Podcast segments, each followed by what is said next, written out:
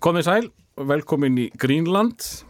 Í þetta skiptið er það Björn Bræi Arnarsson sem er gestur minn. Velkomin Björn. Kæra þakkir. Hvernig líður í dag? Mjög vel og uh, ég er ánaður og, og með að vera bóðið þegar hann skemmtilega þátt. Takk fyrir að fá mig. Já, ánægin er öll mín megin.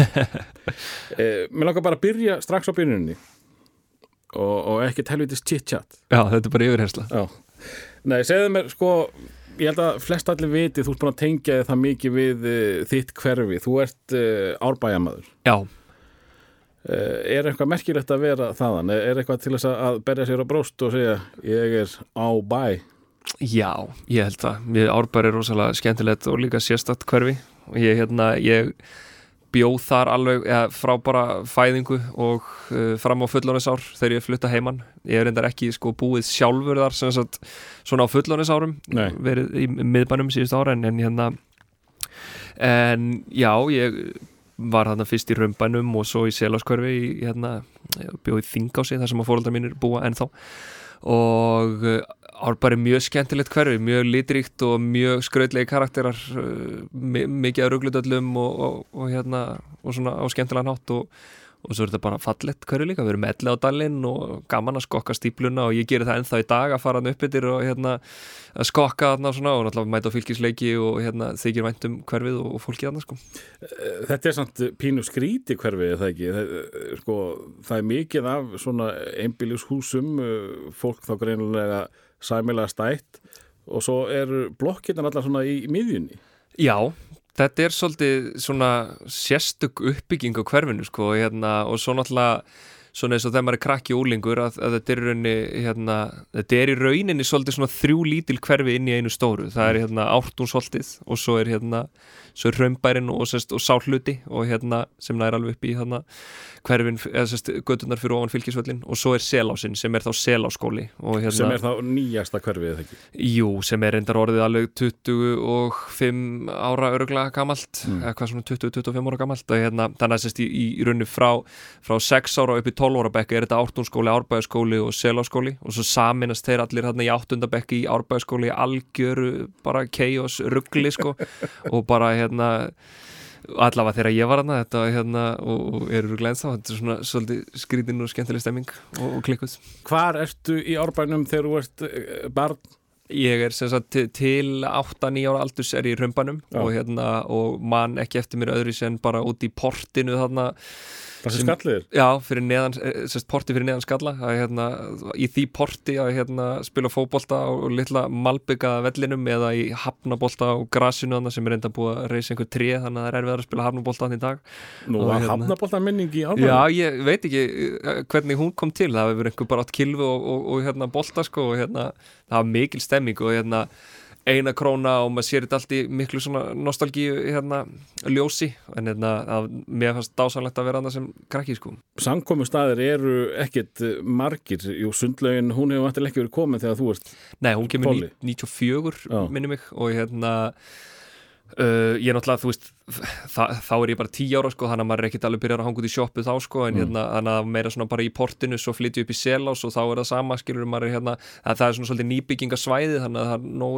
nóg svona uh, bralla þar sko og, og alltaf fókbóltinn þá fór maður út í seláskóla en ekki árbæðarskóla í fókbólta og hérna og svo svona úlingsárunum, ég er náttúrulega í selásnum, hangi bara í sjópunum sem eru þar og það var, þú veist, ný sjópa á hálsásfrest, það gengur ekkit sérstaklega vel að reyka business aðna og ég held að sé engin sjópa aðn í dag. Nei. menn hafa síðan það var fullir enda að verða ríkir að reyka sjópu í selásnum þegar ég flyt aðna, það var bara pínulítill skúr og þar var bara svona kall sem reykt inn í sjópunni og maður fór og hjálpaði hann að raða veist, í, í hillunar og fekk blandi pók verið hundra kall fyrir og, okay. og svo leið sko og hérna og hérna ég maður sérst, á þessum við erum svona 10-11 ára og hérna mikið í því að sko hérna tipp á lengjuna og, og hérna og svona íslenska geturinnir svona 1x2 og, hérna, og hann alveg bara forfallin spilafíkil sjálfur sko.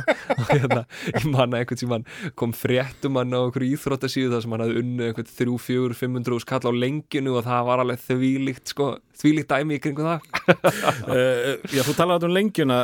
Þú hefur náttúrulega verið tengdur íþróttum uh, á einhvern hátt, þú náttúrulega hefur verið með einhvers konar eh, kappleikja sjónvastætti og, og, og þess áttar mm. uh, gerir áfrið að þú hafi sparkað í bolta Já, heldur betur ég hérna bara alveg frá, frá því mann eftir mér var ég að æfa með fylki og hérna og var nú ágætur svona framanaf Mm. og hérna en svo snemma svona kannski vandaði bara einhvern, ég veit ekki, þú veist dugnað og metnað í mig til að gera það af einhverju viti og svona fljótlega fór ég að svona, þú veist fara yfir í að vera bara bjöliðsmaður og, og svo svona bara um leið og maður verður rúlingur og fyrir á áhuga á einhverju öðru og þá svona veginn, ég var, ég var svolítið fljótur að detta þar út sko mm. en, en, en hafði alltaf var rosa hérna, mikill fótboll á maður sem krakki sko, hérna, og maður var þú veist út í porti að hérna, spila einhverja leiki bara einn sjálfur í huganum og sko halda mér þess að skor utanum það sko, þú veist, hérna, með mína eigin deilt heima, ég var alltaf algjör nörd líka sko, þannig að hérna Það hefur setið svolítið eftir Boltafræðin eru kannski farin en þú ert, þú ert sami áhuga maður eða ekki? Jú, algjörlega, ég reynda svona, eh, svona hvarf svolítið úr íþrótta svona, eða veist, íþrótta áhugin dopnaði þess á úlingsárunum og svona kannski frá svona kannski 13-14 til svona tvítugs fyldist ég rosa lítið með íþróttum. Það er svona, ég bara fekk áhuga einhver allt öðru og, og hérna, en svo kom það aftur á fullónusárum og hérna, og svona bæði enski boltinn og, og mæta meira á fylkisvöllin og svona mm. að sinna þessu uh, Einhverju sem að við konumstuði sem að voru að æfa með þér Já, já, við hérna, ég var alltaf í árgangi með sem sagt uh, Ólaf Inga skúla sinni, hann Mm. hérna er einor eldri en ég og, og maður sá nú mjög snemma að, að hann væri eitthvað meira en, en við hinnir í, í fótboltanum svo er hérna Ragnar Sigursson sem er núna í landsliðinu, hann er enda tveimur árum yngri þannig að við, semst, við spilum ekki saman í flokki en, en hérna en Hann lítur að hafa spilað upp fyrir sig eitthvað. Já, en þá svona er ég að byrja að detta út sko, en, en, hérna, en við byggum í sömu götu þannig að hérna Þannig að við vorum góði félagar og veist, fórum alveg í fótbolta saman og þannig sko. En, hérna, en ég reyndar þá, það var ekkert þá sem benti til þess að hann er eitthvað endilega betri en næsti maður sko. Nei, Hérna, eins og, eins og Albert Ingvarsson uh, sagði hann var fýtubóla með permanent Já, ég hefði til dæmis í gamla daga verandi a gambling man hefði miklu frekar veið, veið á Albert heldur en Ragga sko. En, hérna, en, en, en nei, er náttúrulega ótrúlega öflugur og að kannski hugafæri líka sem að hérna hefur komið honum mjög langt. Nákvæmlega. Það fá hjá þér eitthvað lag sem að uh, þú tengir duglega við badnæsku í, í hraumbænum. Hvaða lag eru að tala um þar? Já, sko, það er náttúrulega úr mörgu að velja en, en ég, svona, eitt lag sem að teku mig algjörlega bara í, hérna, á heimil okkar í Hrömbæ 74 á annari hæð að hérna, það er HLH-flokkurinn uh, í útvarpinu heyrðilag þetta er, þetta er lag sem ég bara elskaði sem krakki og bara ringdi inn í bylgjuna bara sex ára og baðum þetta sem óskalag og kunni allan textan þannig að hérna, þetta er svona pínu nostalgía í þetta lag Uh, var, var það bara þú eða fjölskyldan sem að höfðu gaman að þessu? Ég held ég aðalega sko Heyrum há. Áðan í útvarpinu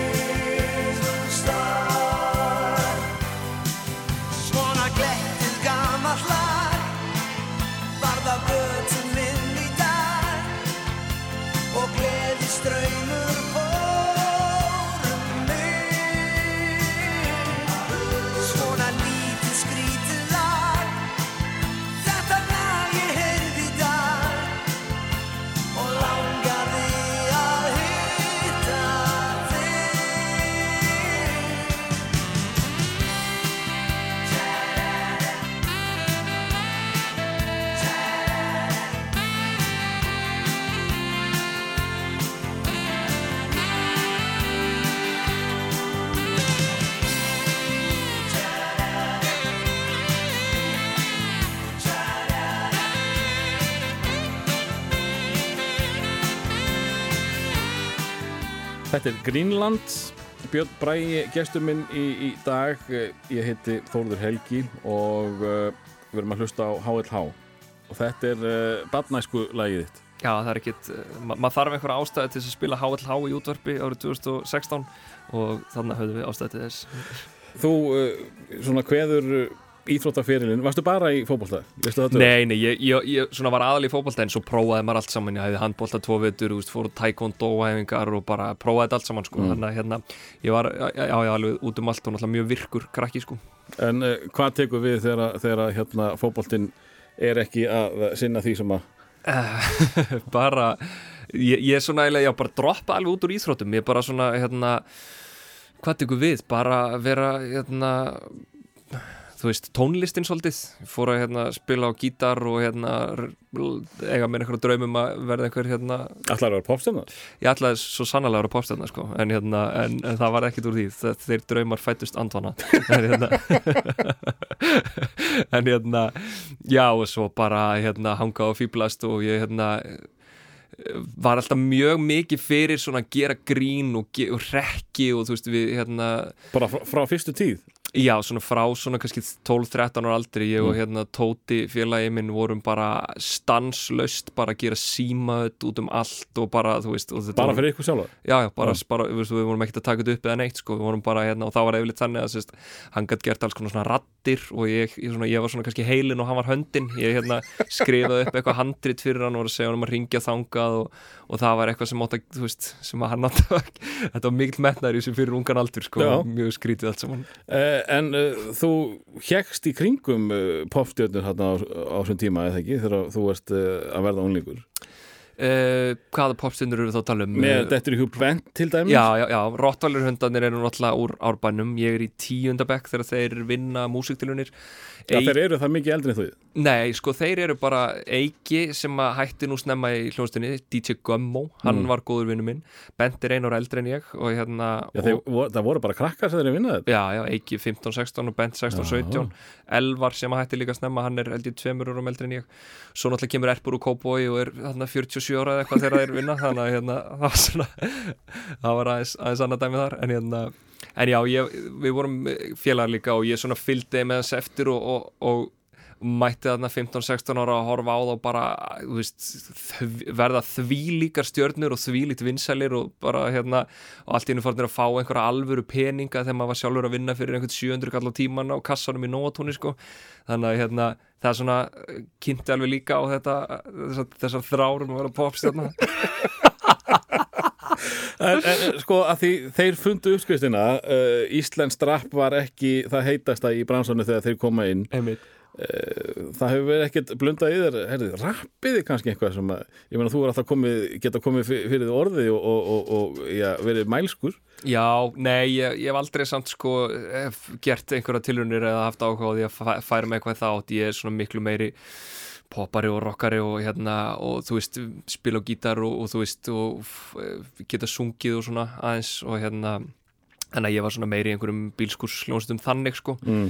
að, hérna, en, en, en hafði samt áhuga alveg á þessari menningu líka og rappinu og þú veist, ég meina árbærin náttúrulega sérstaklega á þessum tíma er rosa mikið rapp hverfi sko og það var alveg bara hérna þú veist, maður fór í skólan í áttundabekk og, og kemur ykkur úr, af ein ára eldri og bara hérna, nefndu mig tíu rappar, annars lemmi þig.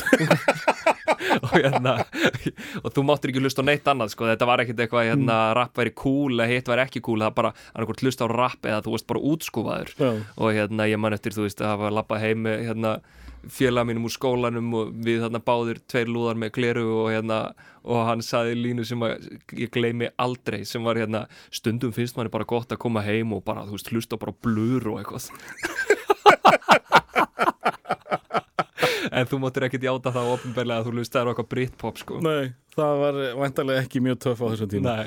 Uh, Fóreldraðinir, hvað hva gera þeir? Uh, þau eru sem sagt uh, reka núna fyrirtæki, flutningafyrirtæki lítið fyrirtæki og hérna og pappi er sem sagt sendibílstjóri og flutningabílstjóri þarna og mamma er bókari og, og sem sagt uh, og þau í dag sjá bara um þetta fyrirtæki og eru svona þessum árum bara að, að byrja að byggja það upp Já. og hérna og þarna er pappi bara held ég að keira bíl og, og mamma að bóka hvort hún var að vinna hjá einhverju öðru fyrirtæki þarna Mm. og hérna þau eru svona svona, hvað ég var að segja, millistjættar fólk bara, mjög gott fólk og, hérna, og, og mjög ólík mér, rosalega róleg og afslöpuð og ekkert mikið að djóka og ekki mikið að rekja fólk sko og, Já, ég hérna, ætla einmitt að spyrja því, þannig að þetta kemur ekkit frá þeim.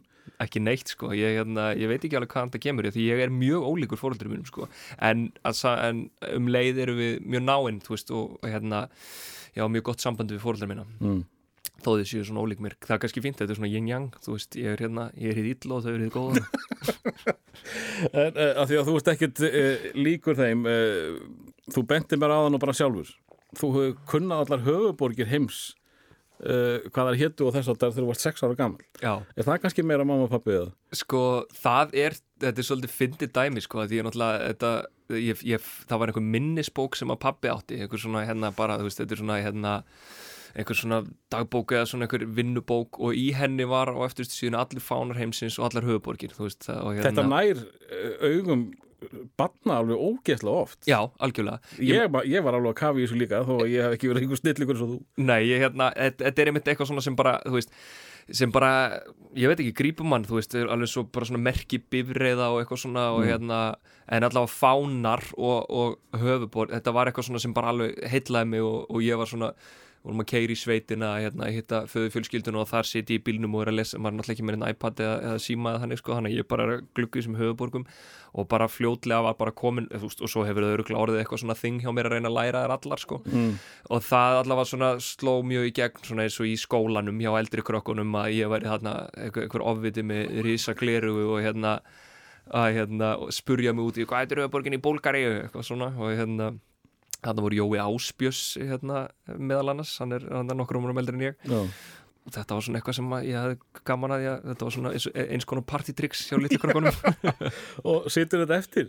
Manstu þetta eitthvað? já, já, algjörlega ég, Þetta er vantilega komið svo ágætlega þegar þú fóst í, í getur betur og þess að þetta. já, það gerði það sko Já, kom einhvern tíma spurningar um Já, höfuborgir? já, það, svo, sko, svo er þetta svo fyndi hérna þetta er svona, þetta er svona að kunna höfuborgir er svona, þú veist, þetta er algjör svona kjölfræði, þú veist, þú, þú veist eitthvað en, en ekkit svona meir en það og, og hérna, maður kannski ef þú hittir einhvern, einhvern tímann frá einhverju mjög skrýtnu landi og getur sagt eitthvað, já, ertu frá hérna, þú veist, já, ég er frá, ég er frá Kyrkistan já, ertu frá Biskek? Eða úr, úr hvað borg kemur og hann heldur bara úr sitt ógeðslega á það, sko, en svo veist ekkit annað en bara akkurat höfuborgina það er hérna, Þetta er uh, sko fínt að koma sér í gang hann. já, já Það, það, hann lítur öðruvís á því heldur en mig allavega. maður getur slegið þessu um sig en, en þó sé ekkert á bakvið það Nákvæmlega. Eh, En þú, þú talar um að, að, sko þú sko búin að minnast að þetta í þrísvar eh, á þessu stutta tíma sem við tala saman að, að þú hefur verið með stóra mikið gleru. það greinlega situr í mér Já. Eh, Ertu þá með linsur í dag? nei, ég, hérna, ég fór í leyseraðgerð þegar ég var hérna 23, eitthvað svo leys en ég, þetta er svona fyndið sko ég hérna, fekk snemma gleru, hvað, svona 5-6 ára og rosalega fjarsýn plus 5, 5,5 eitthvað svo leys þannig að ég var alveg með bara stór og þykk gleru bara svona þessi stækkuð augun.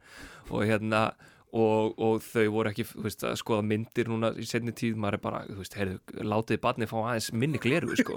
Það er algjörður rugl, sko. En hérna, en svo svona þegar ég varð úlingur og, og fór að hafa áhuga á stelpum og, og svona, maður vildi fara að reyna að líta sómasamli út, þá bara hætti ég að ganga með þau. Notaði bara í rauninni glerugun í svona, hérna, í tímum hérna, eða í, í skólanum. En, en hætt að ganga með því svona úti þú veist að því að maður vildi vera töff sko. Veist, og ég mátti ekki fá linsur strax, mátti ekki fá linsur fyrir ég var 16 ára. Já. og þarna til dæmis er ég að vinna í Nóatúni sem að, hérna, var á þessum tími árbænum og neitaði að vera með glerugun og sá náttúrulega ekki raskat. Og, hérna, og, og til dæmis sko bara fyrsta daginn þú veist, það eru svona plunúmer á ávöxtum og græmmiti þú veist þegar einhver kemur og kaupir epli þá þurftur að stimplin 10-40 epli til þess að vikta litla líf á skjalið. Þannig ég bara tók skjalið heim, lærið það utan að. Þannig, þannig ég þyrfti ekki að nota það sko. Ba, veist, það var það mikilvægt fyrir mig að geta sleppti að vera með glerugun en svo lendi ég í vandræðum þegar fólk voru að kaupa frosi kjöt af því að það af einhverjum ástæðum virkuði ekki strikamerkin á kjötinu. Þannig að þá eiginlega bara svona reyndi ég að sjá nokkurn veginn hvað stóð og slumpaði bara töluna bara þegar ég stimplaði Allt til að sleppa ég var með gleru. Já, það var að vera töff En uh, sko, það fylgir því oft uh, að, uh, ég veit ekki af hverju, þeir sem eru með glerugu eru taldi nördar og, og oft uh, svona jafnvel gáfumenni. Varstu, varstu góður í skóla?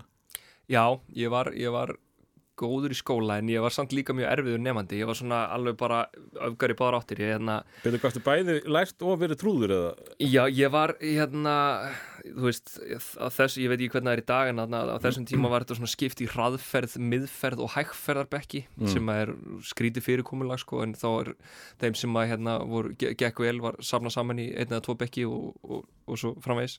Og ég var hann í hraðferðarbekk með rosa duglegum nefndum og hérna en var alltaf algjörlega óþálandi sjálfur og alltaf eitthvað Að reyna að vera fyndin eða varstu bara leiðilegur? Eða Erfiður? Stælar? mm, ekki, ekki, ég var ekki sko hérna, kannski alvöru leiðilur ég var ekki að lemja fólk eða, eða þannig sko, en, en já, bara svona læti í mér og fyrirferða mikill og að reyna að vera fyndin og, og örgulega trublandi og pyrrandi og svona sko, og Mm. Og lendi oft upp á kant við kennara og hérna, og svona, þú veist eh, þoldi illa að vera sagt fyrir verkum. Og hérna, og bara oft sendið til skólastjónans og hérna bæði í áttundabekk og í tíundabekk uh, var mér vikið úr skóla í nokkra daga fyrir svona einhverju uppsöfnu brot og sem Já, voru bara svona sapna af einhverju, einhverju drasli sko, ekkert stórvægilegt neittaði en, en svona, þú veist, allavega nótið þess að þeim fannst ástæði til þess að ég myndi kæla maður niður.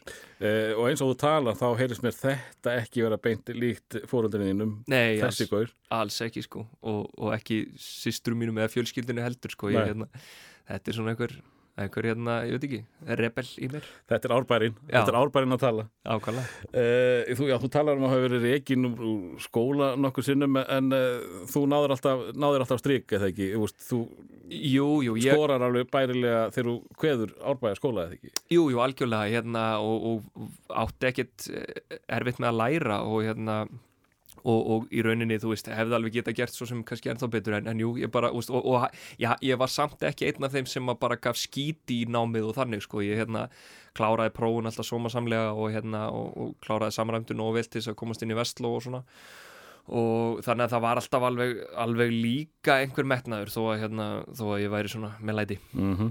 því vorum að minnast á bent á þann uh, Bent var sko miklu meiri töffari heldur en ég sko Já. á þessum árum var ég bara hrættur var hann strax töffari ég, ég sé hann ekki fyrir mér sem nörd eða Nei, já, ég, ég held að mig alveg segja að hann hafi hérna, strax verið töffari hann hérna hann er einur eldri en ég og, Mm. og er úr hópi sem á svona hérna líka mjög fyrirferða mikill og ennþá fyrirferða meiri heldur en ég nokkuð tíman og maður var bara svona það var svona óttablandin virðing fyrir þessum gæðum maður vildi alltaf ekki vera tekin fyrir að þeim sko. Mm. þannig að maður var svona að reyna me- meira að reyna að vera í mj- mjúkin hjá þeim sko. Og hérna, en ég, við, við, ég og Bent vorum einhvern tímann saman sendið til skólastjónars fyrir að sprengja einhverja flugvelda í matsalnum og, og hérna. Þú varst að tala um einhver smáatrið Veist þetta nú alveg Þetta er alveg, þetta er alveg í lægi Það má alveg setja þetta í bókina já, það verður að vera maður verður að, þetta er ekki, þetta var hérna þetta var glæpur án fórnalams En þú talar um að hafa verið einhvers konar skoppari já, það varði samt ekki, ekki út skólan sko, máli var að hérna Var, var það, fyrirgeðu, var það hérna bara til að, að uh, vera eins og hinnir? já, já, 100% sko Já, þú 100%. varst ekkit uh, skoppari heima hjá þér Þú varst ekkit í, í Old Dirty Bastard allan daginn Jú, maður alltaf bara keipti sér fött og gekk í þeim sko, þú veist, Mm. bara því að þetta verið tísku þarna og svo er eitthvað annað í tísku dag sem allir verða verið í ætla að vera inn, skil, þú veist, þetta er bara alltaf það er eitthvað tíðarandi og þú bara á þessum aldri einhvern veginn 95% bara ákveða að fara þá leið einhvern veginn. En Svo hérna, gerist eitthvað svo gerist eitthvað sko, svo, Svo gerist hérna, eitthvað, sko. Já, svo er vor í lofti og hérna og uh, þannig er þetta svolítið sko á þessu tíma, þetta er svona late 90s, Mm. þetta er svona uh, þú veist, ég, ég, ég þú veist, hvað, 97 og 98 er ég í 8. og 9. bekk og svo 99 byrja ég í hérna, 10. bekk og hérna, og þá er ég svona þú veist, farin að þess að færa út kvíðarnar og, og hérna og þá tek ég bara með, af því að þarna eru bara sagt skopparar, svona rap-hópurinn og svo eru tjokkóar sem er svona FM-hópurinn Mm. og hérna þú þekki nú vel þetta, þessa, þessa baráttu Jú, vissulega. Ég, ég held nefnilega að skopparar lítur svo mikið niður á, á, Já, Choco algjörlega, það var þannig Það fer engin úr skopparahopnum niður í Choco-hópinu það Nei, að, sko, ég, það fyrir eftir hvernig þú lítur á það hvort þú ert að fara niður eða, eða til hliðar eða upp á við sko. en, hérna, en, en, en svo náttúrulega bara átt að maður á sig á því að sko, skopparnir, jú, þeir voru að kúla en þeir voru ekkert að fá mikið að stelpum endilega sko. þannig hérna, ég, hérna, nú hætti ég að skoppar yfir tjóko og það gerðist eiginlega bara einum degi. Þá bara lagði ég öllum skoppara klæðnaðinum fór í Jack and Jones, kefti mig dress og hérna og bara fór að stunda ljósabekkina og hérna og ég var bara um tjóko mætti bara, mætti í tíundabekk sem tjóko þú mætti bara tilbúin Já, já. í hitliði bara eins og páskaegg í framann bara, ég var svo brúnn og hérna og, og bara allir pakkin sko. Og ég, ég meiri þess að sko, ég gerði í því þú veist, ég, ég, var ekkit eitthvað svona þetta var ekkit svona hæg transition eitthvað, Nei. ég var alltaf í einu komin í aðeins þrengri ból eða komin í eðlilega buksur, alltaf skopparfutin þannig voru alveg svakalega íkt þú veist, ótrúlega víð og stór og mikil sko, en nei, það var bara all in, bara strax á fyrst degi, bara nú er hún tjókum og, og uh, var eitthvað vesen uh, Nei, þarna náttúrulega er ég búin að losna við eldri gaurana skilur þannig að ég slappi böggi frá þeim. Og hérna og svo það voru nú einn og einn svona alveg eh, töffari sem voru tjokka og líka og menn er orðinir aðeins svona afslappari gagvart þessu svona Já. þarna í tíundabekk þannig að hérna, já, já, ég, ég, ég komst alveg upp með það, þessu breytingu. Og, og, og gekk þetta upp? Já, Uh, ég eignast mér fyrstu kæristu bara eftir tvær vikur sko Þetta, hljóma, þetta er kannski ágættis uh, saga fyrir þá yngri hlustendur það núti að uh, það er allt í lagi að fara í súkuleði Já, klárlega, Ha. klárlega. Og, og það, þú varst alveg á því að það hafi svín virkað og gert gott fyrir þig? Já, ekki spurning sko. Þú sér, hvað ég er í dag. uh, og uh, já, hluta því sem að þú ert í dag er vantarlega þessi vestlóferð þín Já. þar lærið þið ekkit bara að uh, lesa og skrifa. Þar uh, já, verður fólk oft bara af einhverjum, einhverjum stórgúslu fólki þegar labba þaðan út. Já, Vestló er náttúrulega svona svolítið sérstakur skóli, það náttúrulega er alveg ótrúlegt félagslíf þarna og, og svona ég svona eftir svona fyrsta ár, kannski fyrsta ár var maður svona eins og róleri en hérna á, á fyrsta ári en hérna en svo svona fór ég að stunda félagslífi svolítið og hérna og bara taka þátt í öllu, ég fór bara all in í það, þú veist, hérna stuðmyndakeppnunum, í söngvakeppninni, þú veist, í 12.0 hérna sketsaþættinum og, og Byrju, hva, hvað er það? það er hérna sem sagt eh, sem er alltaf að gera lögin núna það er nú Já, alltaf já. að koma lög frá þeim Já, þetta, er hérna. þetta var bara risa stórt dæmi já bara dýrar, hérna, Eh, pródúseringar og vesen einmitt, þetta var reyndar ekki kannski alveg á þessu leveli þegar Mm. ég var aðna en, en þú veist, þá var þetta svona meira sketsa þættir sko og svona, þú veist, taka upp á böllum og viðtöl og, og svona svo leið sko og svo hérna svo fer ég á endanum í ræðuliðið og er þar út skólagönguna og svo ég getur beturlið einn vetur. Þannig að það var svona, ég, ég var alveg bara fór allalegið í félagslífinu en, en námið kannski satt aðeins á hakanum en, en, en samt syndi ég því svona nóg mikið til þess að komast í gegnum skólan mm en þegar þú kemur inn þannig þá er ekkert pláss fyrir eh, einhvern lítinn nýjan egoasta, er ekki svo mikið á stjörnum hann Jú, það er það og ég meina hverjir eru stjörnunar þegar þú dettur inn, varstu það? Sko þegar ég kem í Vestló þá er náttúrulega Þorvaldur Davíð bara eh, þvílík stjarnar bara á bara guð. landsvísu sko. Og, hérna, og bara búin að vera badnast hérna í mörg ár og er bara algjörlega the, the hottest shit þarna sko. Og hérna manni fannst bara merkilegt að hitta hann og spjalla við hann bara, svona, bara næstu í starstruck sko. Og hérna og svo er eins og bara þegar ég kem í skólan þá er þarna söngleikurinn Wake Me Up og maður mætti á hann þú veist 16 ára og hérna og mér fannst það bara geðvikt það, bara, það var bara ótrúlegt að sjá þetta sko. það var svo mik miklu talentar en það var líka, ég meina hann voru var fólk sem átti síðar eftir að verða leikarar og söngvarar og, og svo leið sko. þannig að maður alveg svona heitlaðist þvílíkt og, og hreifst með og, og svo skilur gömlu vinni mín úr árbænum sem kannski litur svolítið nýr á Vestló og Vestló þótt ekkert töff ef þú varst ekki í Vestló Mm og ég bara, þið veit ekki hver er að missa af sko. þetta er bara, þetta er geggjað Eh, þarna kynist ekki þarna Jónsson bræðrunum og eitthvað svoleiðis? Jú, þannig er sérst, uh, Jón Ragnar Jónsson Jón Jónsson, tónlistamæður, hann er hérna hann er einu ári yngri en ég og við, við kynnust þegar hann kemur inn í skólan, svo er þetta Friðrik Dór er fjórum árum yngri, þannig að ég svo sem kyn, kynnist honum löngu setna Mm. En jú, við Jón vorum til dæmis saman í 12.0 sketsað þættinum og, og hérna og, og svo var ég með Hannesi markmanni í Beck og þannig er hann náttúrulega engin markmaður, heldur bara kvikmyndageramaður Þarna er hann uh, bara hættur í fótboltaðið ekki Jú, þannig er hann bara alltaf úr axlalið og er bara eitthvað, ég vissi valla að hann væri að æfa Já. sko, en hérna þú eiginlega bara hýjar á hann þegar hann talaði um að hann ætlaði að fara í fótboltaðið algjörlega, ég meina, Já. hann var bara svona einn af þessum gaurum sem að maður horfði á, eða hugsaði bara, þú veist ok, ég hætti fyrir þremur árum þessi hættir, þú veist, á næsta árið eitthvað skilur þú veist, en af því að þannig er hann bara með, með kameruna endalust á lofti og veist, og við gerum stuttmyndir og ótrúlega metnað fullar svona fyrir hérna, fyrir þennan aldur Mm. og hérna og þú veist, stuttmyndi kemnaðna var rosa metnað fullt dæmi veist, og við, við svona áttum hérna bestu myndina og ég var valin besti leikarinn á einhverju svona stuttmyndi kemnu og manni fannst bara eins og maður hefði unnið Óskarinn sko, þetta var svo stort fyrir manni. Og hérna, og svo fyrir við saman í 12.0 hérna við Hannes og, og erum, veist, miklu félagar. Og þið eruð alveg stjörnur í skólanum og já, sko, sérstaklega núna síðar ár þá eru þið bara stórstjörnur út af við e, þeir sem er að gera þetta 12.0 dæmi Já, þú veist, mann allavega fannst maður svona, þú veist Vestló er svolítið bara eins og eitthvað sér samfélag, mann er hérna, já maður leit kannski bara svolítið stórt á sig sem að hérna er svolítið hlægilegt eftir á en, en, og krútlegt bara mm. hérna, en jú, þú veist, þeir sem eru svona í félagslífinu og þú veist, eru í þessu dóti eru kannski verða svolítið áberandi innan skólans og það stígur öllum aðeins til höfus og það er bara skemmtilegt. Svo, svo klára maður skólan og átta, sig á, á því að maður er ekki neitt neitt. Þetta er Vestlun og skóli Íslands og, og uh, ætti þá að vera já, ansi góður í verslunum og viðskiptum og þess áttar eru allir með stóra fræðar drauma sem fari inn á skóla? Eða er það líka fullt af fólki sem að sér þetta, herri, þetta er frábær skóli fyrir mig, ég ætla að vera businesskall Já, algjörlega, það er, ég örgulega minni hlutin sem er í einhverjum fræðar hugleðingum Nei, sko, þeir eru bara svona ábyrjandi að Já, ætli Já. það ekki sko, þetta er náttúrulega, veist, ég veit ekki, þetta eru þúsund nefnendur örgulega sem eru þannig og hverju sinni þannig að, hérna og, og náttúrulega ekkit allir sem eru að pæla svona mikið í félagslífinu og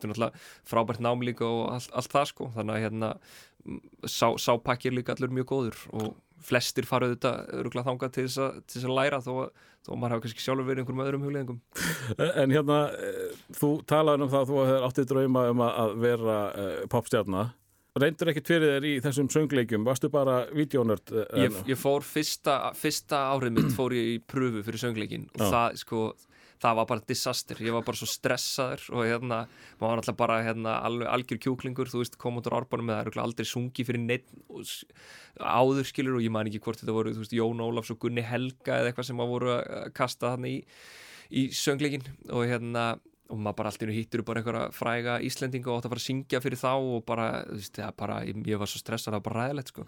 Og hérna, þannig að ég Þú ætlar aldrei séns Nei, ekki þá sko, ég, ég labba, sagði bara takk fyrir mig og vissi að ég var ekki farin í þennan söngleik sko, hérna, en, en þetta er líka lært á sikt. En svo bara eftir það var ég síðan sagt, komin bara í allt aðra hluti þannig að hérna, þá var maður bara tók þátt í söngleiknum sem áhorfandi og, og stuðnismæður Það er að reyna fyrir þér eh, sem söngvari í söngleik í Vestló Já, Hvað var uh, unglingurinn Björn Bræði að, hlusta á þessum tíma? Þannig að það hættur að, skoppa komin í tjokkóið en uh, einhvern veginn gruna mér að þetta ekki verið mikið tjokk og tónlist sem að þú varst að hlusta þá heima hjá þér? Nei, ég, ég var eh, það er klísja að segja Engin það Rikki Martin?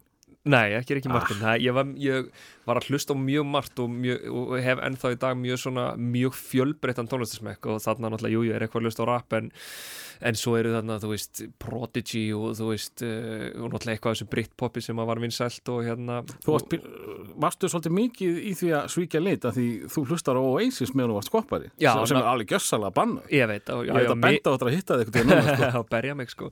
Hérna, en svo var ég líka að hlusta rosa mikið á gamla tónlist. Við hérna, vorum alveg bara hérna, þú veist, í Beatlunum og Stones alveg bara Beatla hérna, Beatla sjúkir sko ég, og- Hvaðan kemur það? ég og félagin, ég veit ekki alveg sko það, Það er bara, ekki, er ekki heimilið heldur nei Ertu vissum ekki- þú sést þeirra? ég, nei, ég er alls ekki viss sko en hérna, þannig að það var svona úr öllum áttum en hérna, en þú leiði mér að velja lag fyrir svona úlingsárin Mhm. og, og það er náttúrulega, þú veist, að því úlingsárin skipta svolítið í tímabil, það er svona early úlingsár og svo eru svona late úlingsár og hérna og ég á, það er um, mjög mörgu að taka en hérna, eða mjög mörgu að taka en en ég ákvað að velja lag sem minnir mig sérstaklega á tíundabæk þegar ég var að byrja út mokkan á hverju mótni fyrir Já. skóla. Og hérna með Discman sem að hérna ég bara spilaði geisladisk í og hérna og nánast undan tekningalöst var það uh, live hérna uh, tónleikaplatan From the Muddy Banks of Visca með, hérna, með Nirvana og, og, og hérna og ákvaða að velja lagið Sliver. Ok, sem að er hérna uh, það er svona ég segi ekki að það hafi reyndlega upp á slæði mitt en, en þetta svona minni mér rosalega mikið, á, rosalega stert á þennan tíma svona verið tíundabekk, maður er svona þú veist, svona hægt og rólega að verða manni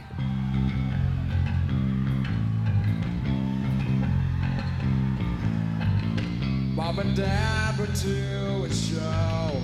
Dropped me off at Grandpa Joe's. Kicked and screamed, so please don't go. Grandma, take me home. Grandma, take me home.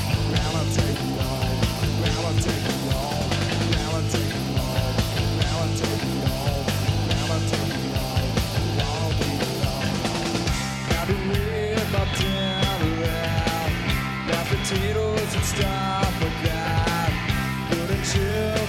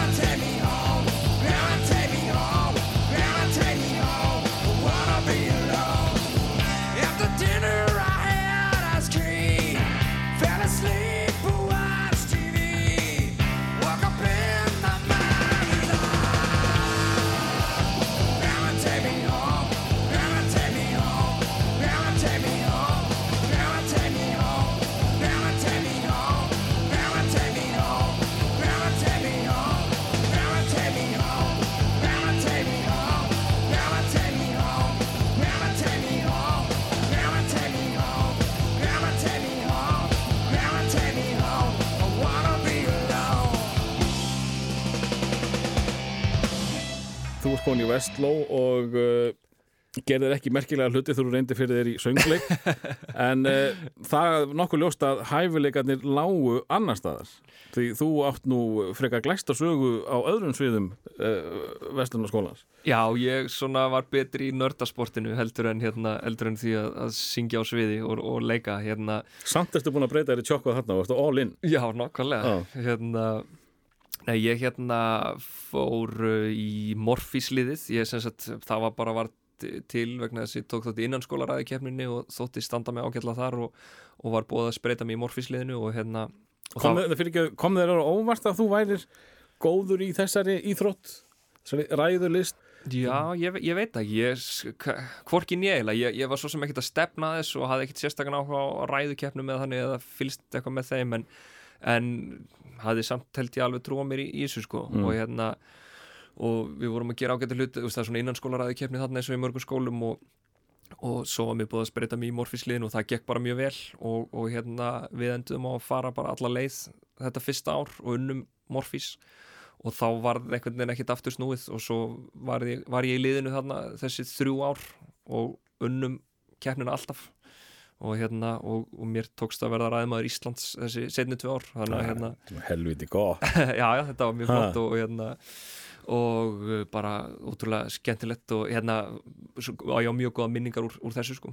Ge, sko, gefur þetta þér eitthvað? Að því ég hef heist að, að margir eh, sem að fara sín í lögfræði tala um að, að þetta hafi hjálpaði mikið í, í þeirra eh, sko þegar þau eru komin Já. í réttasalinn hefur þetta gefið þér eitthvað, þú ert náttúrulega lítið í réttasölum já, ennþá. Hérna, ég var kannski hinum með borðið í réttasalnum hérna, ég hérna ekki spurning, mér finnst þetta ótrúlega hérna, þetta var ótrúlega lærdónsíkt að mörgu leiti bæ, veist, allt frá bara hérna því að semjum umræðefni og fara að skrifa einhverja ræður og allt þetta yfir í bara keppnina sjálfa, veist, ég man eftir því bara að standa í pontu, þú veist, í fyrstu keppninu, skýt stressaður skilur en þart að læra eh, ræðuna þínar og svo að fara að svara andstæðingnum og eitthvað svona og, og svo einhvern veginn var maður betri í þessu eftir því sem maður gerir þetta oftar og, og, og hérna Þannig að ég held að þetta hafi hjálp, eða sérst, kent manni alveg helling sko, bara og, og nýtist manni, þú veist, þú maður kannski átti sig ekki alveg á því hvar, en hérna, ég, úst, Ertu ekki bara sterkari á svellinu alltaf eh, þegar þú ert að koma fram? Alveg, Eh, po, alveg potið, og- ég menna þetta hérna- leggur örgulega fínan grunn að því sko. Já, uh, og það er ekki nóg með að þú hafðir uh, rúlað upp Morfís heldur, ert þú í eina sigurliðinu í Gettu Betur Já, já, Náður að vera á sama tíma í bæði Morfís og Gettu Betur? Já, en fyrir vikið var ég Ekki mikið í skólanum. ekki mikið í skólanum. Hérna, og, og, og er skólastjóra bara að leifa þetta? Þetta bara segir manni það að þú hefur engan tíma til þess að læra. Já, en hérna, og var, kannski í 12.00 líka á sama tíma?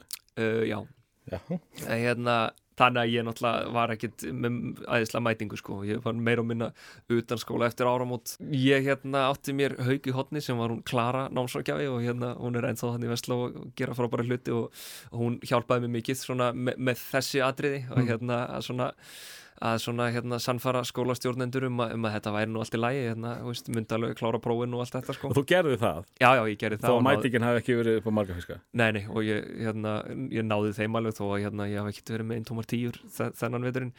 En hérna, þetta var rosa æfintýri með getur betur. Við, við vorum nýtt lið þarna um raunni og hérna Á hvaða ári ertu það? þannig er ég á sest, næst síðast ári. Mm. og, uh, og svo sem kannski, þú veist, bara held ég vorum ekki neitt að gera okkur vonur um að fara eitthvað alla leið í keppninni sko, við vorum ekki sérstaklega samfærandi í fyrstu útvarskeppninni en svo óks okkur ásmegin og, og vorum rosa dugleir og bara, og eftir því sem við komst lengra því bara meiri vinnulöðu á okkur og vorum bara líka mikið baráttu lið og hérna og uh, tókst að vinna keppnina sem var alveg bara ótrúlegt ævintýri og ótrúlega skemmtilegt. Og þetta var í rauninni, þú veist, hérna Morfís úrslitin voru þarna föstu dögnum og undan, þar sem að við unnum það og svo getur betur föstu dögnum eftir og mann bara styrlaðist eftir að þetta var bæði búið og þetta tókst allt saman. Og Varstu það ekki bara komin á, á Þorvalda Davís Kalibir? ég veit það nú ekki, það er erfitt að komast þangað. Come on, það er morfís og, og getur betur á einni viku. Já, ég átti allavega svona góðar hérna 15 sekundur að fræð þarna. En hérna en þetta var líka allt svo tæft sko, ég meina við unnum Morfís með einu stíi sem er algjörlega ótrúlegt sko með að, sest, að því að heildarstígafjöldi er svona 2000 eitthvað álíka sko. Og það vinna keppni með einu stíi er náttúrulega algjört rugl og unnum getur betur í framlengingu. Þannig að hérna, eða veist í bráðamanna þannig að hérna þetta var allt mjög tæft en ennþá sætara fyrir vikið. Nákvæmlega. Uh, Þú klárar Vestló, hvað fyrir að gera það? þá ég bara algjör, algjör, algjör að eind og hérna Engin aðtiklaði lengur? engin aðteklu og ekkert félagslíf. Ég, hérna, ég eh, fór beint í hérna já, sérst, um sumarið fer ég að vinna á blaðinu gamla sem að, hérna, sem að Karl Garðarsson var, var með og, og Siggi G. Og hérna ég mætti bara upp á blaðið uh, með Vestlunarskóla blaðið og hérna hann vissi ekkert hver ég var náttúrulega og ég bara kynnti mig og síndi honum einhverja greinar sem ég hafði skrifað og og lísti við miklum áhuga á að fá spreita með sem blaðmaður og hann ákvað að gefa mér uh, tækifæri og ég var mjög þakkláttur fyrir það. Það var rosa lærdómsvíkt og skemmtilegt sumar. Ég var að vinna með ótrúlega skemmtilegu fólki Kolbjörnum Bergþórs meðal annars sem var svona uh, andleg læri móðir í blaðamennsku þarna þetta sumar. Og svo um haustið þá skrá ég í HÍ og fer í uh, svona blöndu af sagnfræði og hagfræði sem var bara eitthvað sem einhver sagði mér að geta verið sniðut og það náttúrulega bara var alls ekkert sniðut fyrir mig. Ég kláraði ekki einn einasta kurs og hætti bara í november og vissi ekkert hvað ég átti að gera og var bara svona svolítið í bara einhverju limbóið þarna. Og þarna sem sagt tekur bara við bara smá pása, ég fyrir að gera ekki neitt bara í einhverja 2-3 mánuði og hérna og svo fyrir aftur aðeins í blaðmennskuna og, og er síðan bara að vinna þangað til bara 2007 þegar ég fer síðan í háskólanám HR og, og þar hefst nýrkabli viðskiptafræði. Viðskiptafræði? Og, og það ætti kannski ekki að koma mörgum á óvart komandi úr Vestlói það? Nei, það er rosalega hérna, beinn og breyður vegur Já. úr Vestló í, í HR í viðskiptafræðina. Og, er- og þú segir 2007 þannig að þú ætlar að vera ríkur eins og allir hínir heldur betur maður. Nei, það var svo sem ekkert sko ég var alls ekkert með einhver dollaramerki í augunum eða, eða eitthvað þannig sko og ég var ekkert byrjar að pæla neitt svakalega í einhverjum þannig málum það var svona meira kannski bara þú veist, þarna voru tvö ár síðan ég útskjáðast úr mentaskóla og var búin að vinna í svolítinn tíma og bara svona fannst komið tíma að gera hvað og langaði alltaf að fara í eitthvað framhaldsnám og, og góðir félaga mínir voru að fara í þetta nám og mér leist ágætlega á það og hvað bara slá til. Og, og ég svo sem var alveg pínu svona, kannski pínu stund að komast inn í það og svona fá áhuga á því en svo gerist það algjörlega og ég, ég kláraði það bara með glæsi brá og, og þú veist, og, og hafði, fekk mikið áhuga á þessu en uh, þú ákvæmst samt ekki að uh, vinda þér beint í viðskiptin eftir að þú klára þetta? Sko ég klára árslok 2009 sem sagt, og, og þá er ég bara að plana að fara í framhaldsnám. Byrjar að skoða háskóla Erlendis og Já, hérna já. og ætlaði að fara til Barcelona og er búin að skrá mjög öll svona próf sem þarf að taka hérna, þú veist, svona einhver ennsku próf og TOEFL og eitthvað svona. og, og þá fæ ég símtal úr óvæntri átt frá hérna Snorra Baron sem að hérna var þarna með Monitor tímaritið. Þarna er Monitor götublað sem kemur út mánaðlega Atli Fannar sem er núna nútímanum var að hætta þar og uh, svona, ég hafði unni með Atla og, og fleirum sem að komu að þessu Monitorblaði í, sérst á blaðinu þannig í gamla daga. Já, Monitor, uh, það, það var ekki blaði sem tengdist mokkanum við það það var það síðan. Það var það síðan já, já. þarna sem sagt uh, þarna vantar nýjan rítstjóra og, og, og Snorri ringir í mig og, og hérna og kynir þetta dæmi fyrir mér og mér fannst það bara mjög spennandi og svona ákveð að, að prófa það aðeins og býða þess með að fara í framhaldsnám og hérna. Hefur eitthvað hugmynd um af hverju hann pikkar í þig eh, búin að vinna í örfáða mánuði sem blaðamaður Uh, ég var náttúrulega búin að vinna örgulega alveg í svona tvö ár með, í, í blaðmennskunni eitthvað og með allafannari sem var fráfarandi rítstjórið Já. þarna og, og hérna Hrefnu Björk sem að, hérna, var líka eitthvað að starfa á mónitor þannig að þau svona þekktu vel tíminu höfðunni með mér og svona og hérna. Þannig að hann ákvaða að tjekka mér og, og mér leist bara rosalega á þetta og, og, og svo fljótlega kaupir mokkin mónitor og það verður að, að þessu vikublaði sem það varð síðan í, í einhver tvö ár áður en að þeir hætti að gefa það út og í rauninni þar byrja bara svona einhver allt önnur leið heldur en ég var að stefna, stefna á, á þessum tíma sko Hven, Hvenar fer eh, þessi hérna, skóladrömmurðin að fjallaðist? Í rauninni bara þegar, sko, að sé ekki bara svona þegar, að- þegar við förum og fullt með mónitor hjá mokkanum, þá er þetta orðið vikublað og verður svolítið stórt batteri og ég er bara að rítstýra því og Og alveg full eh, full vinna Já. og þú veist og ég er með starfsmann meiri sæ hjá mér og eitthvað svona og veist þetta svona verður svolítið spennandi dæmi og svo fyrir við fljótlega að gera svona einhver veist, einhver vídeo, viðtöl og fréttir af airwaves og eitthvað svona og fyrir svona þróa einhverja svona einhverja vef þætti Þar kemur uh, 12.0 sterkur inn eða ekki? Jú, örgulega einhverju leiti sko, hérna. Er þetta ekki bara í svipum gæðum á þar? Þetta var þetta með 12.0 bestu í dag eru örgulega svona fimm sinnum flottara en hérna. En hérna, nei, jú, þetta, þetta var þetta voru, við vorum með rosa skemmtileg hérna svona öðruvísi innslu, þetta var auðvitað oft algjöru hittarar, svona, svona væral hittarar. Og þá var výrallina að uh, detta sterkurinn. Já, algjörlega. Og svo hérna náttúrulega við uppgötum Nilla á þessum tíma og fengum hans inn í VF þátt og þarna hann var baka chicks eða ekki? Jú, það var hérna bara á Airwaves hvað 2010 minni mig.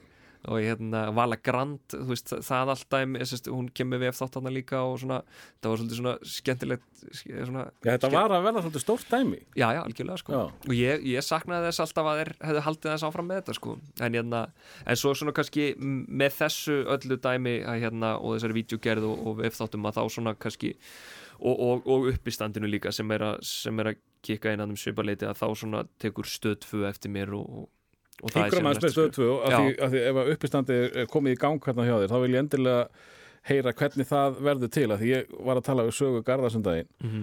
og hún saði mér að- að hún og Ugla hefði verið að hita upp fyrir ykkar fyrsta gig.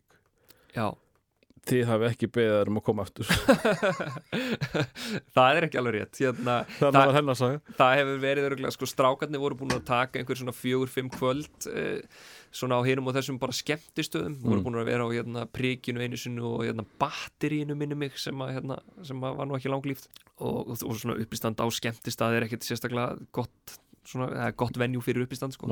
En hérna uh, svo sem sagt er svona fyrsta í rauninni alvöru kvöldið er í þjóðleikúskjallaranum hérna haustið 2010 og þá fá þeir mig til að kynna Já, þú byrði að segja kynnis já, já, og, og uh, ég, það var það eitthvað víralti það ekki, þú tókst uh, á móti sóli það ekki? Jú, það var aðeins setna reyndar sko, þetta, þetta fyrsta kvöld þá eru, sem sagt, þá er ég kynir og þá eru strákanir sem eru núna með mér í hópnum og, og hugleikur var líka með okkur og saga líka, þannig að hún, hún hefur nú verið fengin oftar en einu sinni aftur, þetta hefur ekki verið svona slemt hjá hann í byrjun. Það er bara þetta eina kvöld eða hvort voru tvö kvöld og gekk bara mjög vel svo erum við ekki aftur fyrir en eftir áramót en, en þarna svona byrjuð við aðeins uh, og byrja ég aðeins að svona þróa með eitthvað áfram í þessu uppistandi og hérna og það erst ekki beint upp í standarinn heldur, uh, þú ert bara aðeins að létta uh, áhörundur fyrir stjórnundar. Þú Í- ert kynir, þú opnar þetta ekki?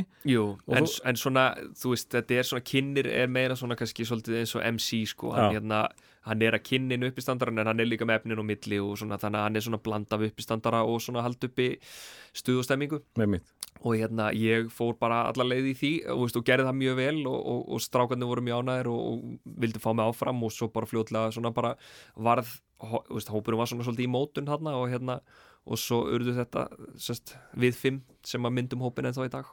Uh, Varstu í þessari klíku?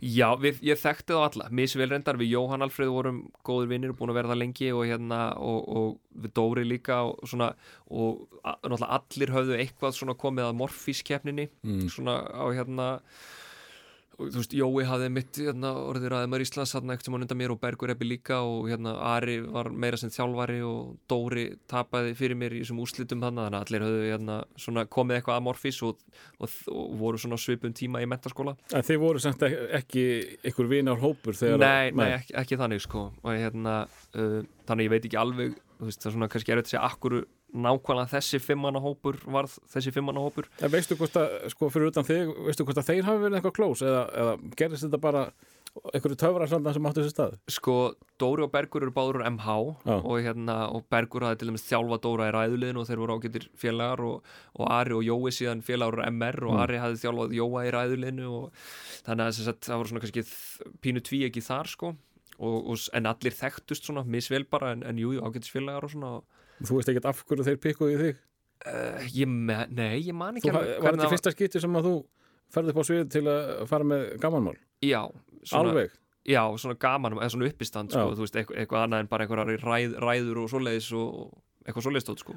Sko, í þínu morfissi, já, þrjú ár, uh, þrefaldur sigurfegari, uh, varstu að vinna eitthvað með grín og gís þar? nei, það er nefnilega svolítið fyndið að þar var ég alltaf alvarlega gæinn. Já, það var ekkert grín. mm, voða lítið sko, hérna, þar var svona þú veist, uh, þar var gæinn sem kom undan mér var svona jokerinn sko og hérna með mikinn húmór og mikið grín og svo mætti ég og var rosa alvarlegur og reyður og hneykslaður og, og yfir því hvað andstæður okkar væri nú að mæla með fáránlegum hlut og, og voða lítið grín, mikil alvara sko þannig að það var svona svolítið minn styrklegi þar og það sem var lagt upp með í morfi sko Hmm. en ég náttúrulega er uh, þú veist mikill- Fárálega fyndingur. ég ætla ekki að segja það ég ætla að segja, ég náttúrulega er mjög, mjög hérna, mikill bara djókari og, hérna, og, og mjög hérna, tek hlutum mjög lítið alvarlega mm. og er alltaf mjög stutt í grín og, og þannig sko þannig að, þannig að það er miklu meira minn karakter heldur en að vera eitthvað alvarlegur og nexlaður sko.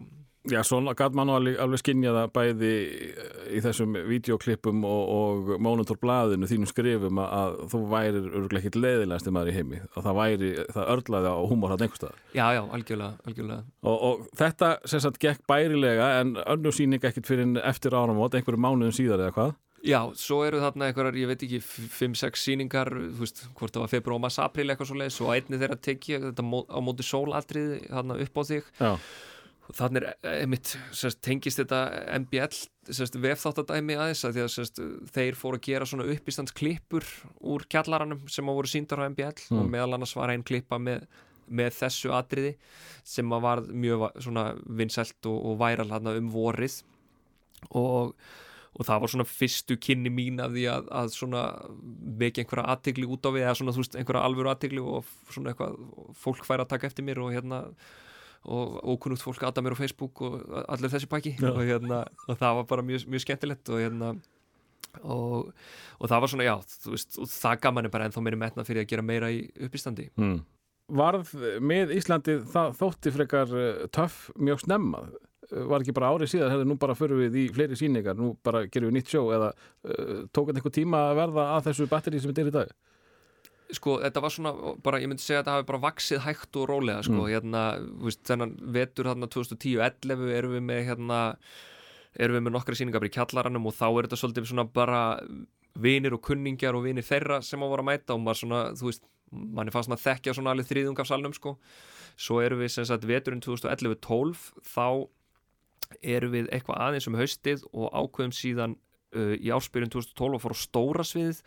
Það var einhver leiksýning þar sem að hérna, veist, það var allavega laust stóra sviðið, e eitthvað eitt kvöld og þeir buðu okkur að prófa að vera með sýningu þar og hún endaði að seljast upp og seldum með bara sýningu og bættum við annari og það endaði að vera einhverjar sex sýningar, þannig að við fengum hann inn, þú veist, ég veit ekki 3000 manns eða eitthvað svo Já, og það var svona náttúrulega rosa stórt dæmi fyrir okkur og, og gaman og hérna að svona, þá var þetta orðið svolítið alvöru og hérna Ég þá var vantilega að þurft að setjast niður og, og hugsa máluna upp á nýtt að því þetta var ekki bara flip lengur, þetta var bara orðin business.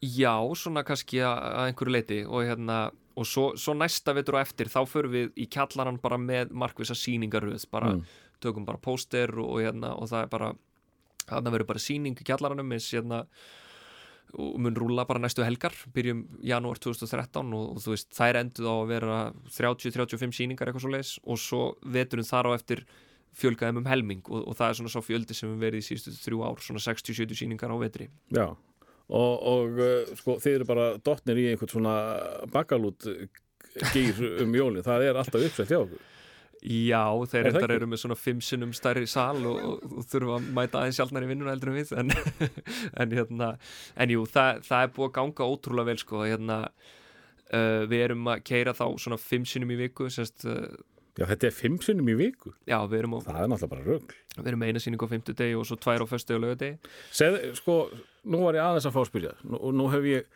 ég hef reynd þetta þrísvar Já, að vera með sama prógrami eh, sem sagt, tvísvar með Petri Jóhanni já, og það bjargaði mér, það var alveg hlegið. Já. Í þriðja skiptið uh, var ekki hlegið og, og ein ágætt kona saði við mig í guðanabænum hætti þessu. Og ég gerði það. Að vera með uppistand, Já. það er nú ekki fallega satt Nei, það, það var mjög erfitt að taka við því en, en ég, ég hlustaði á hana. Hvernig er að fara með sama prógramið og já, þykjast þykja það ógeðslega skemmtilegt í hver skipti það er ekkert skrítið sko, ég hérna og, og, og sko, þú veist, auðvitað verður prógram og, og bytt eins og við segjum, þú veist, það sem við erum að taka eitthvað topic fyrir og hérna getur við ekki 1, 2, 3 mínútur eða eitthvað leiðis, það verður alltaf betra og þéttar eftir því svo í rauninni bara flytur það oftar og ferð meiri reynsla á það og sérðu ok, fólki finnst þetta að fyndi, það er alltaf minna þessu, kannski getið þróa þetta eitthvað, þú færð einhver aðtöðsend frá hérna, félagaðinum sem er, var ekki sniðt að bæta þessu við og svo framveg sko.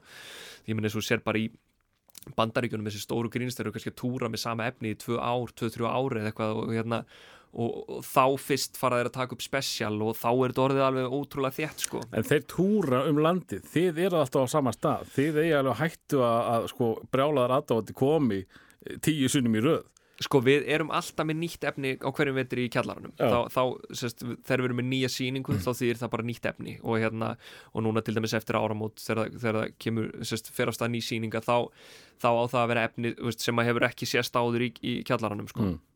Kjall, Kjallarinn er heilagur en þú mátt fara með það úr húsi já, eh, svo er það bara þegar þú ferð út úr húsi sem við náttúrulega erum að gera mikið af á ársatíðum og hverskins viðburðum og hérna allar helgar að, að þá svolítið sko þú veist, þú ert kannski aðeins tilrunakendari og stundum örlítið súrar og jafnvel örlítið grófari í kjallaranum Mm. en svo þegar þú mætir ársatíð á einhverju fyrirtækja þá svona, þú veist, eh, ekki það að þú þurfur að vera eitthvað hérna rosalega passaði allt og mikið en, en þú kannski svona þá vill maður kannski vera með efni sem maður veit að er alveg solid sko og svona höfðar svolítið til fjöldans Mm.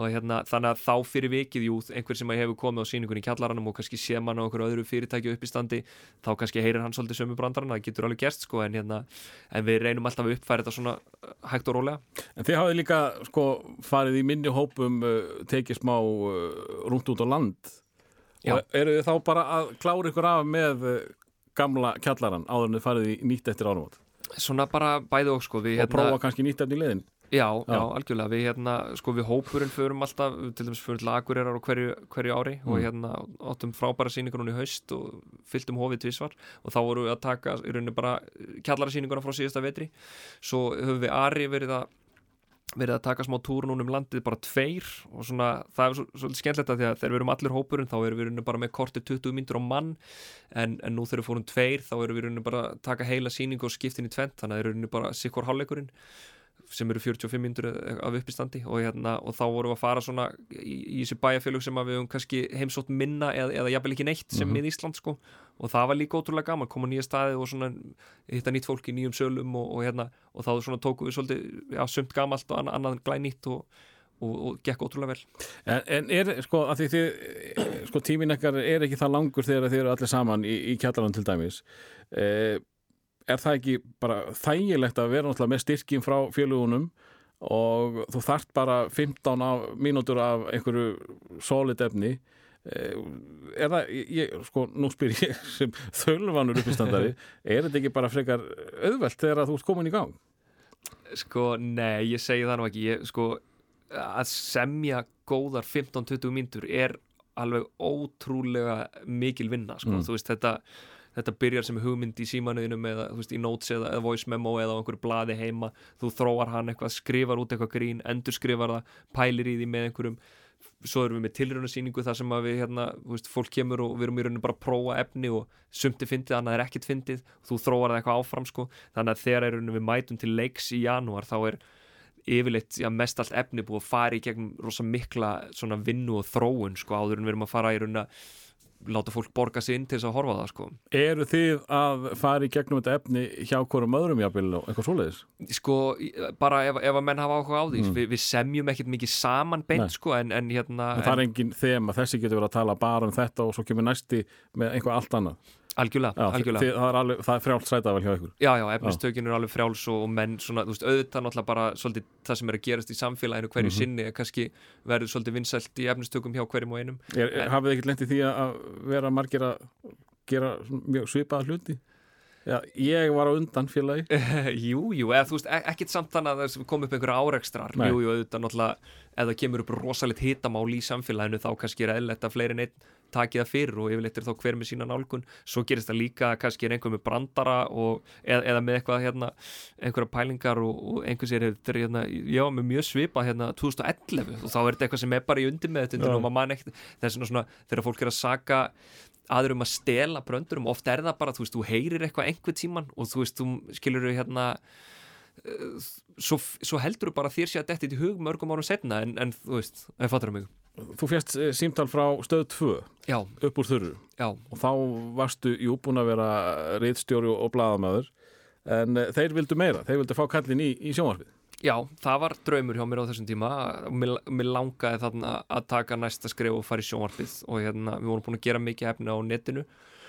Og uh, svo um vorið hvað helst ekki, vorið 2011 þá fæ ég símtal frá Kristoffer Dignus sem að var að hérna, framleiða öll og sveppa þættina og, og var að fara sagt, að, hérna, að setja stað nýjan þátt sem ætti að koma í staðin fyrir þá og, og hann nefnir um mig hvort að ég hafa áhuga að stýra þeim þætti sem og eftir að þróa hver verður og það var eitthvað sem mér fannst ótrúlega spennandi og, og já, það var mjög svona mjög spennandi og skemmtilegt símtal að fá mm.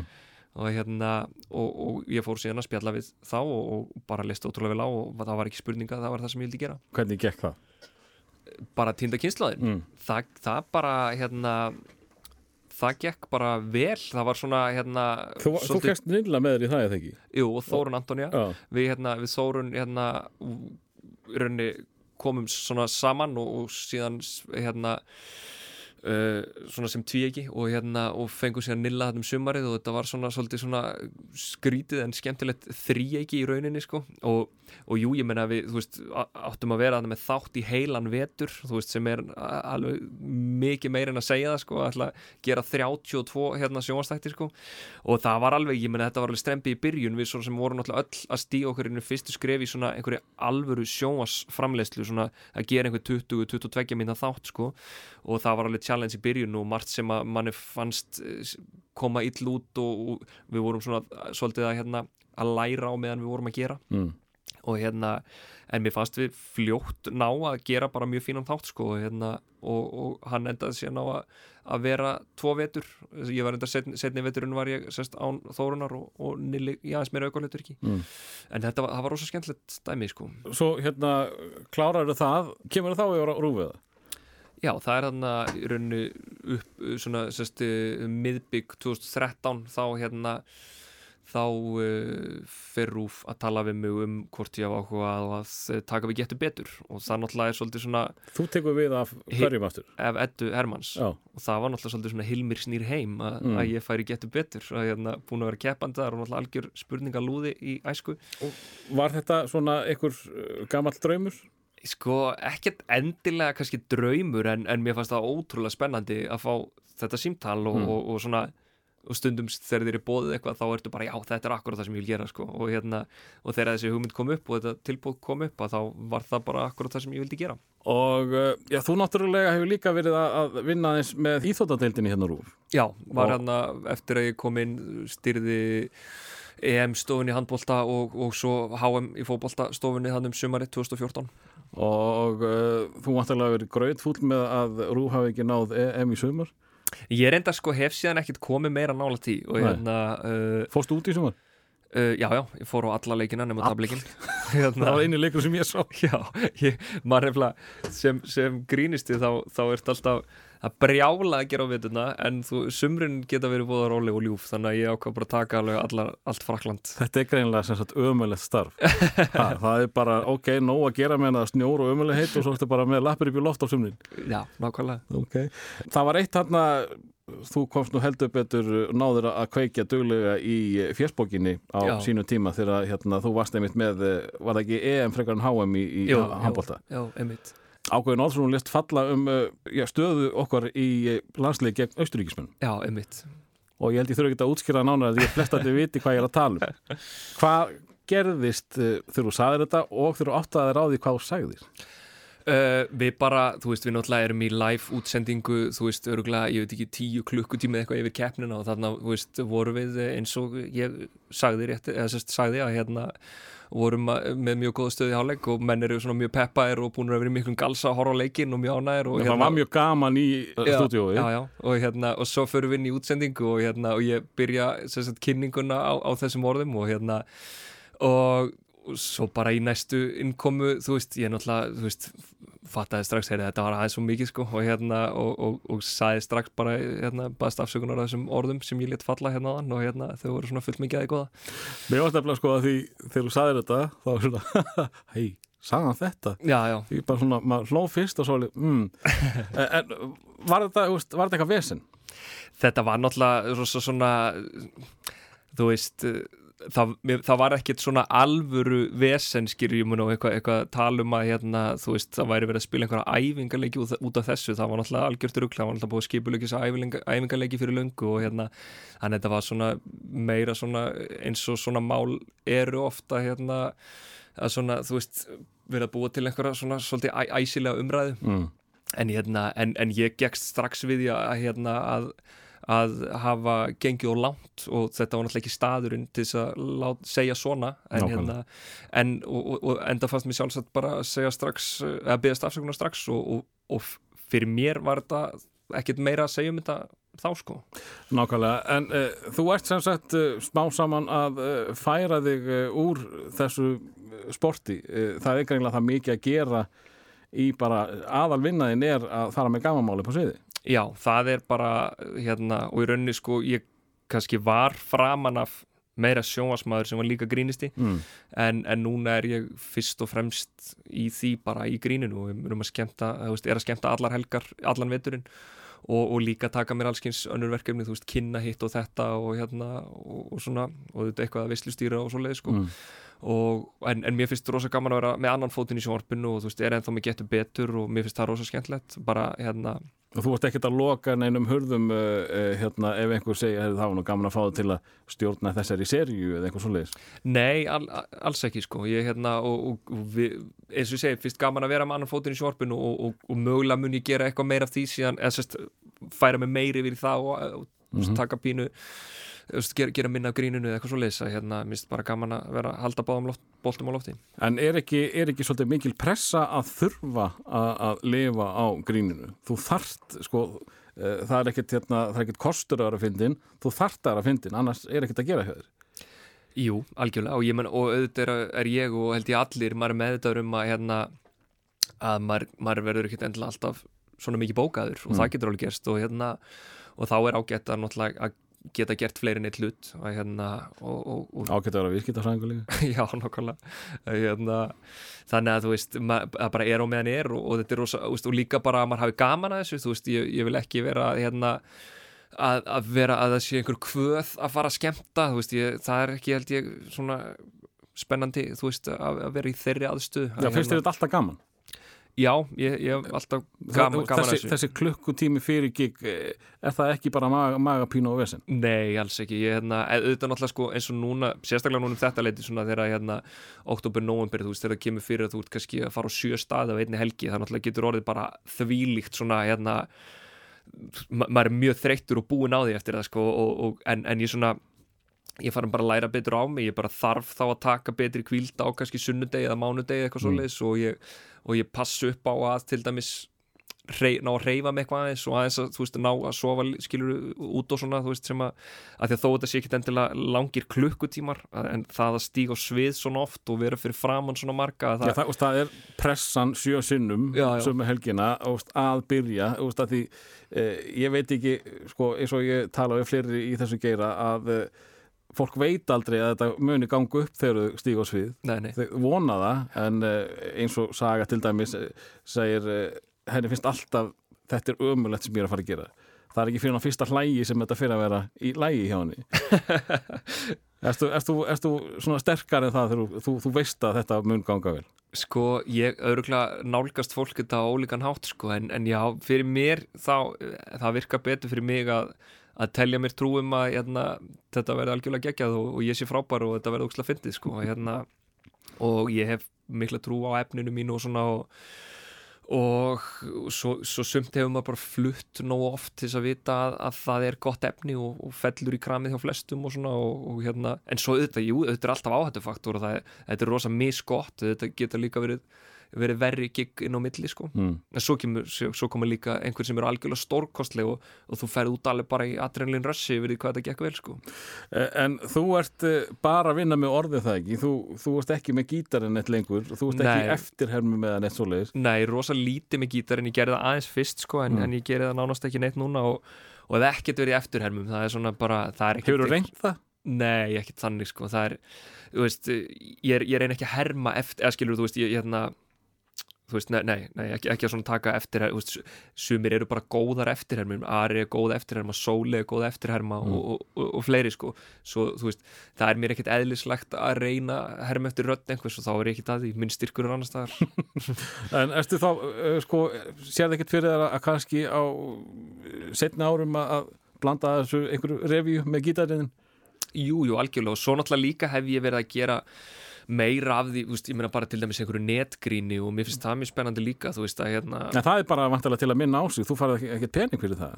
þú lifir ekki á, á netgríni þarf ekki alltaf að borga þátti það er að lifa á þessu Nei, jú, það er meira bara svona til að hafa bara gaman af og hérna og, og jú, jú, vera sínilegur og svo leið sko, Mm. hérna, en, en fyrst og fremst bara eitthvað passion sko, þú veist, oft þú veist, hvort sem það er að setja inn eitthvað fyndið á Twitter eða, eða setja inn eitthvað fyndin skets eða eitthvað svoleiðis eða, eða Snapchat eða, eða hvað sem er sko. Að hérna að að það er svona meira þá að maður bara leika sér sko, að því að þetta þetta er náttúrulega líkilatrið að maður hafi sjálfur gaman að þetta sé passion og maður hafi gaman af því að búið til gríni ef þetta er orðið bara einhver business þá, þá hérna held ég þetta hættum í flótt að vera náttúrulega fyndið. Mm. eh, sko, þú er margótt komið eh, fram í sjónvarpi og, einhvers konar uh, videoklippum en þú ert alltaf einhvers konar host. Þú ert, uh, já, þú ert verðlunaður leikari, ekki glema því uh, úr Vestló.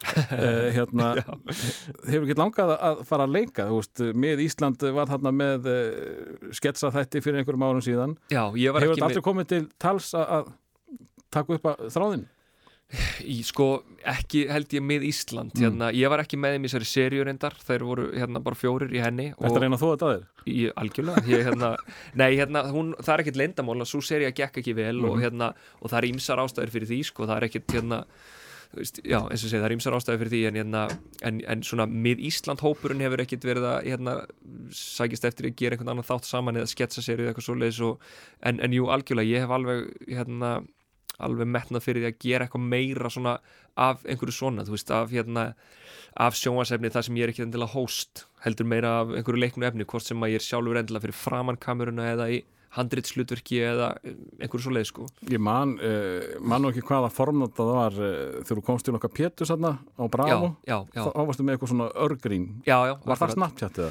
það var held ég bara einhverju sketsa sem ég var að setja á Instagram þá, það var auðvitað fyrir svona 2-3 árum sem að hérna síðan, þú veist, hef ég gert meira því að setja kannski bara á Facebook eða eitthvað svona og ætla þetta við svolítið færst yfir á Snapchat. Mm. maður svona, þú veist, það er alltaf einhver nýr miðl maður nýtir það sem er vinsall hverju sinni. En, en þú ert ekkit uh, þú ert ekkit farin að skrifa uh, svona uh, brandara sem þú sér fyrir þér, ég ætla að nota þetta í, í sjónvarp eða sketsa eða eitthvað kannski eitthvað, jú. Ég hérna svona, þú veist, án þess að sé komin einhver mynd á það, en hérna, fyrst og fremst er maður að skrifa upp í stand. En, og, og svo er það líka bara fyrir hvernig sem ætlar að vera grínisti eða, eða í nokkru skapandi að bara að skrifa niður hugmyndir sínar, veist, hversu vondar sem þær eru þú veist, það er- geta alltaf nýst, þannig að jú, ég held, held alveg til haga einhverjum svona pælingum og, og ég get alveg sé fyrir mér að fara út í meiri einhverjum svona handritsgerð, sko. Uh, Björn Bragi, uh, framtíðin, ertu eitthvað aðeins fann að pæli henni sérðu eitthvað nákvæmlega hvað ætlar að gera eftir, segja, fimm ár Varur til í að vera á, á svipum stað? Ég ætla að taka pólitískt svar og segja að ég er mjög ánæður á þeim stað sem ég er í dag og hérna, náttúrulega veit ekkert hvað ég verið til fimm ára en, hérna, en allavega líkilættir að vera ánæður í því sem ég er að gera og ef ég er ánæður áfram í þessu þá vil ég vera að gera þetta. Þá fekk ég allt í hennu hérna, hugmynda af nýri spurningu í blálógin svo ég noti aftur í blálógin Já. uh, Björn Bragi uh, fjölskyldumæður, er hann til? Uh, ég á góða konu, já. Góða kæristu. Sérðu fram á ef að, ef að þú ferð að, hrúa niður börnum að geta verið í þessu starfi? Já, algjörlega. Svo náttúrulega hún að læra líka leiklist. Hún er verandi leikona. Já. Þannig að kannski verður við, nú vantum við líkingu, Sonny og Sér. Skulum enda þetta á einu legi til viðbótar og það er, eh, eigum að segja, nútímin eða fullorðni uh, Björn Bragi. Já, það er fullandi Björnbræði hérna, og þetta er enda gamalt lag sko. þetta er 80s lag uh, þetta er lag sem ég upp sko, jú, ég hafði nú heyrt það einhvern tímann í, í gamla dag en, en ég svona uppgötaði það fyrir svona kannski sjö árum sjö, átta árum. Og þetta er svona, ég held að eigi sér allir eitthvað svona guilty pleasure lag sem er bara elska að heyra, sérstaklega kannski þeir eru að fá sér þessi glas, þá oft er þið myndið langum að heyra þetta lag. Já. og þetta er eitthvað svona lag sem bara þegar ég er í rétta fílingnum þá bara einhver ástæð, ég veit ekki það, þetta lag gerir eitthvað fyrir mig. Og bara, ég get ekki útskipta þetta er, það er lagið Just Around the Corner með Cocker Robin eins ótrúlegt að það hljómar Þetta er ekkert svona fjörugasta lagi þegar maður er að fá sér. en það er, það er einhverju Það er ógæslega gaman að syngja þetta. Já. Ég skal viðkjöna það. það er einhverju töfrar í þessu lagi Eh, Björn Bragi, takk kærlega fyrir kominu. takk sem við Things aren't quite as they seem inside my domain. You can't know about everything, only pleasure and pain. Wonder why I come here, head to my hands. Where else can I be cured?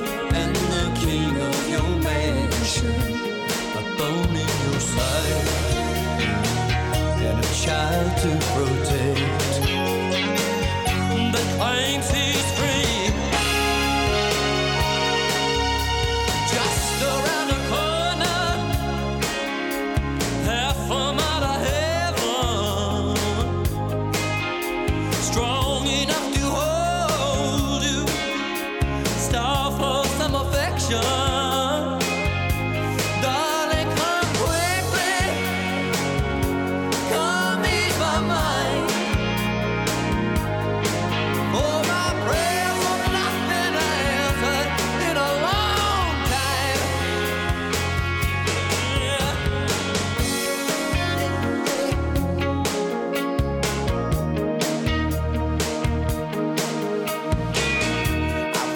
already made my bed,